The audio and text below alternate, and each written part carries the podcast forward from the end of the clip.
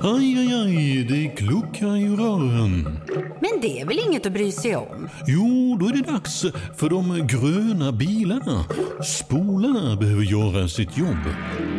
Spolarna är lösningen. Ah, hör du?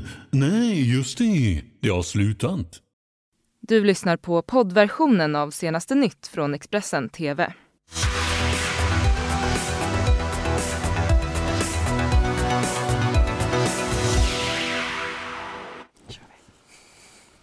Välkommen till senaste nytt med mig Karin Bülow Och med mig Ylva Johansson och det här det är morgonens rubriker.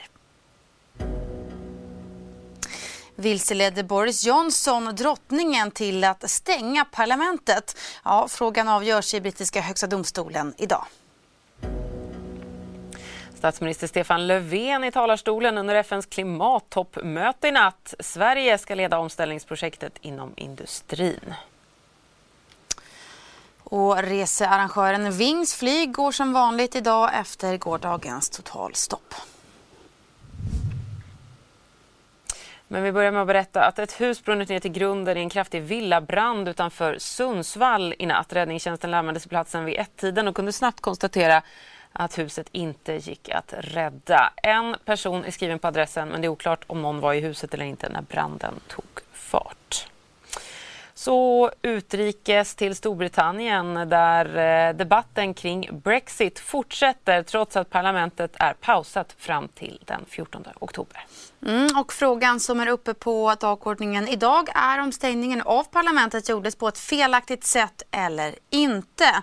Idag, så avgörs nämligen, eh, idag avgör nämligen Högsta domstolen om premiärminister Boris Johnson medvetet förde drottning Elizabeth bakom ljuset när han fick drottningen att godkänna stängningen.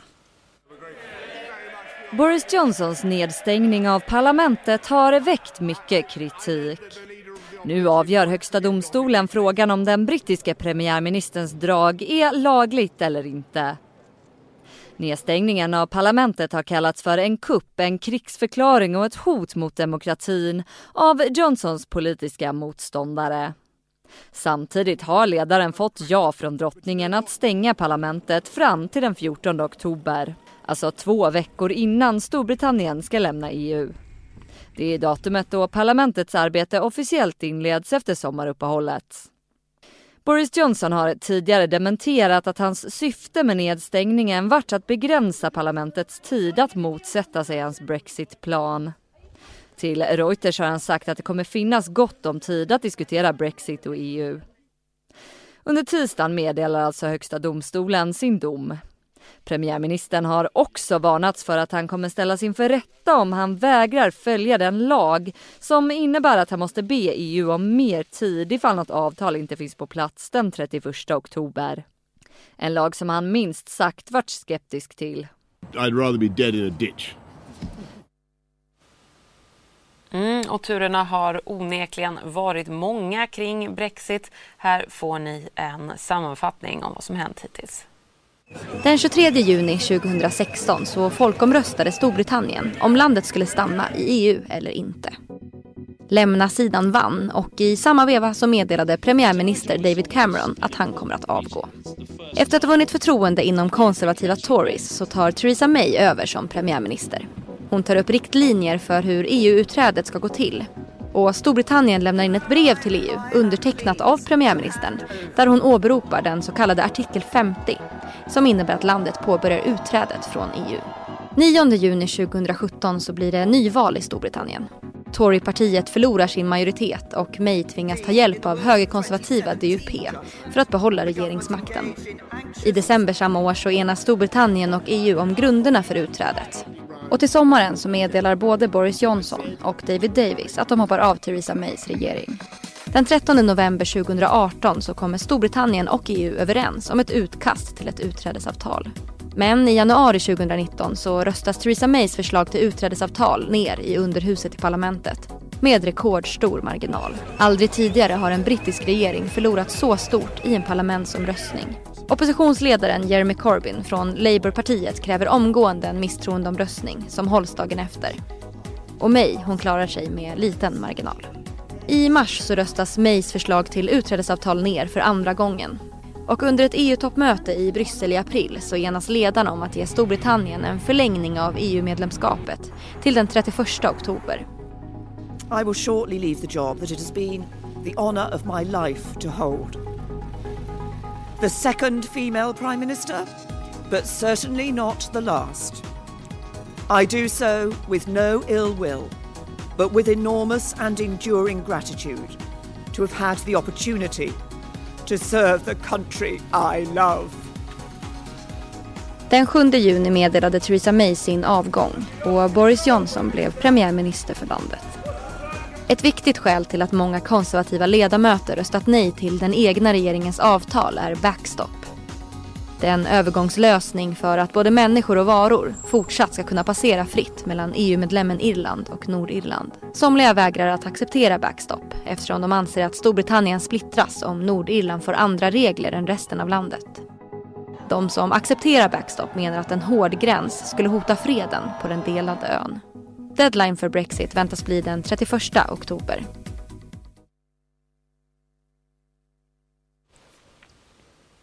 Och så kan vi konstatera att det blev en eh, seger för eh, partiledaren Jeremy Corbyn under det brittiska oppositionspartiet Labours stämma i Brighton igår. Ja, en stark falang i partiet utmanar Corbyn och vill att Labour uttalat eh, för en linje mot Brexit. Men efter en dramatisk omröstning så vann alltså Corbyns linje och partiet kommer därför inte ge väljarna besked om man vill stanna i EU eller inte inför ett eventuellt nyval.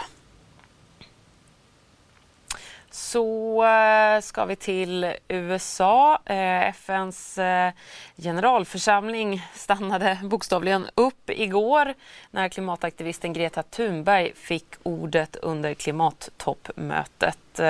Hon riktade stenhård kritik mot ledarna för att ha ignorerat den forskning som tydligt under de senaste 30 åren pekat mot samma sak. Här är ett utdrag ur klimataktivistens tal.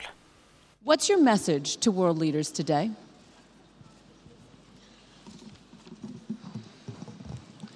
Uh, my message is that we'll be watching you.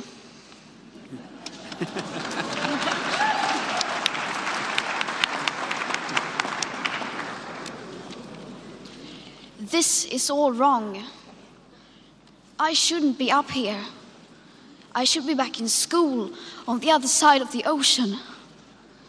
Yet you all come to us young people for hope. How dare you? You have stolen my dreams and my childhood with your empty words, and yet I'm one of the lucky ones. People are suffering, people are dying, entire ecosystems are collapsing. We are in the beginning of a mass extinction, and all you can talk about is money and fairy tales of eternal economic growth. How dare you!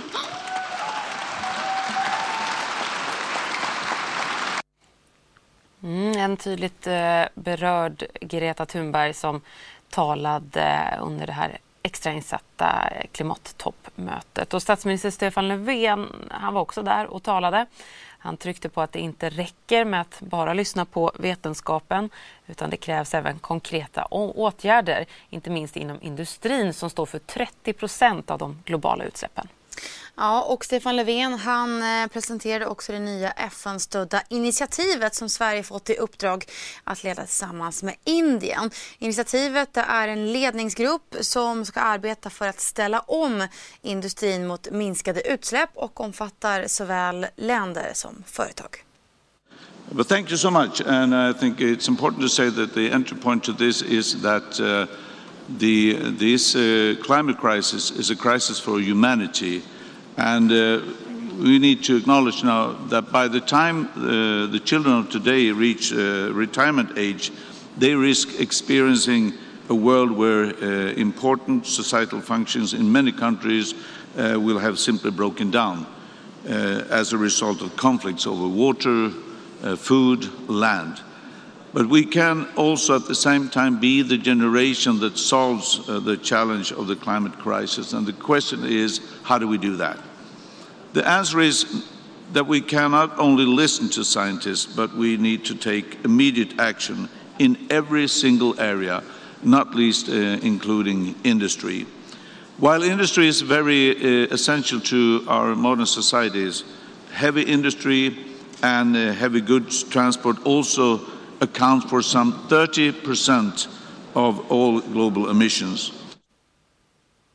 Donald Trump, han, är ju, eh, han har ju dragit ut USA ur Parisavtalet och han är inte direkt känd för att sätta klimatet högst upp på agendan. Under gårdagens eh, toppmöte så eh, var han officiellt inte med men han valde att dyka upp en liten kort stund när Angela Merkel höll sitt anförande och han stannade ungefär 15 minuter och sen ser ni på bilderna här, så stötte han på Greta Thunberg ute i korridoren när han gick förbi med sitt entourage. Och många har uppmärksammat eh, klimataktivistens rätt så skeptiska blick på eh, den amerikanske presidenten när han eh, gick förbi ute i korridoren. Vi har även andra bilder som zoomar in på, på Greta när man ser hennes skeptiska, skeptiska blick. Och, men nu på morgonen så har han ju för första gången uppmärksammat hennes existens. Han har ju valt att eh, hittills inte kommentera rörelsen Fridays for Future eller Greta Thunberg, men nu har han gjort det.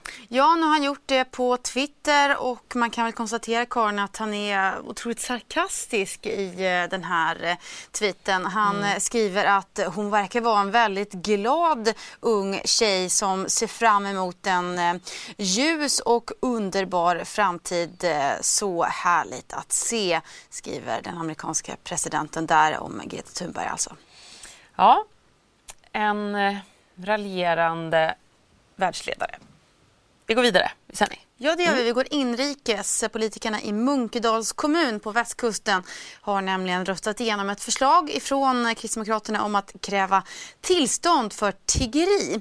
Moderaterna var det parti som ställde sig bakom motionen tillsammans med KD. I praktiken så innebär beslutet att tiggeri förbjuds i Munkedal. Mm. Och så kan vi berätta att idag flyger resebolaget Wings flyg som vanligt. Eh, det var igår som samtliga flyg ställdes in eftersom ägaren Thomas Cook gått i konkurs. Den nordiska Vinggruppen mår ekonomiskt bra och kommer att driva vidare sin verksamhet trots huvudägarens konkurs. Det konstaterar företaget på sin hemsida. Så till något helt annat. Eh, något av en eh, tradition, eller bokstavligen en, en tradition. Ja, precis. Igår morse klockan 7.00 så inleddes eh, årets hummerfiske. Och som alltid dagen efter så uppmärksammas ju det här med eh, den första aktionen. Ja, det gör det. Och eh, vi eh, ska se om vi har med oss Lisa Waldeck som är på plats i Göteborg. God morgon Lovisa. Du får berätta vad det är som händer hos dig.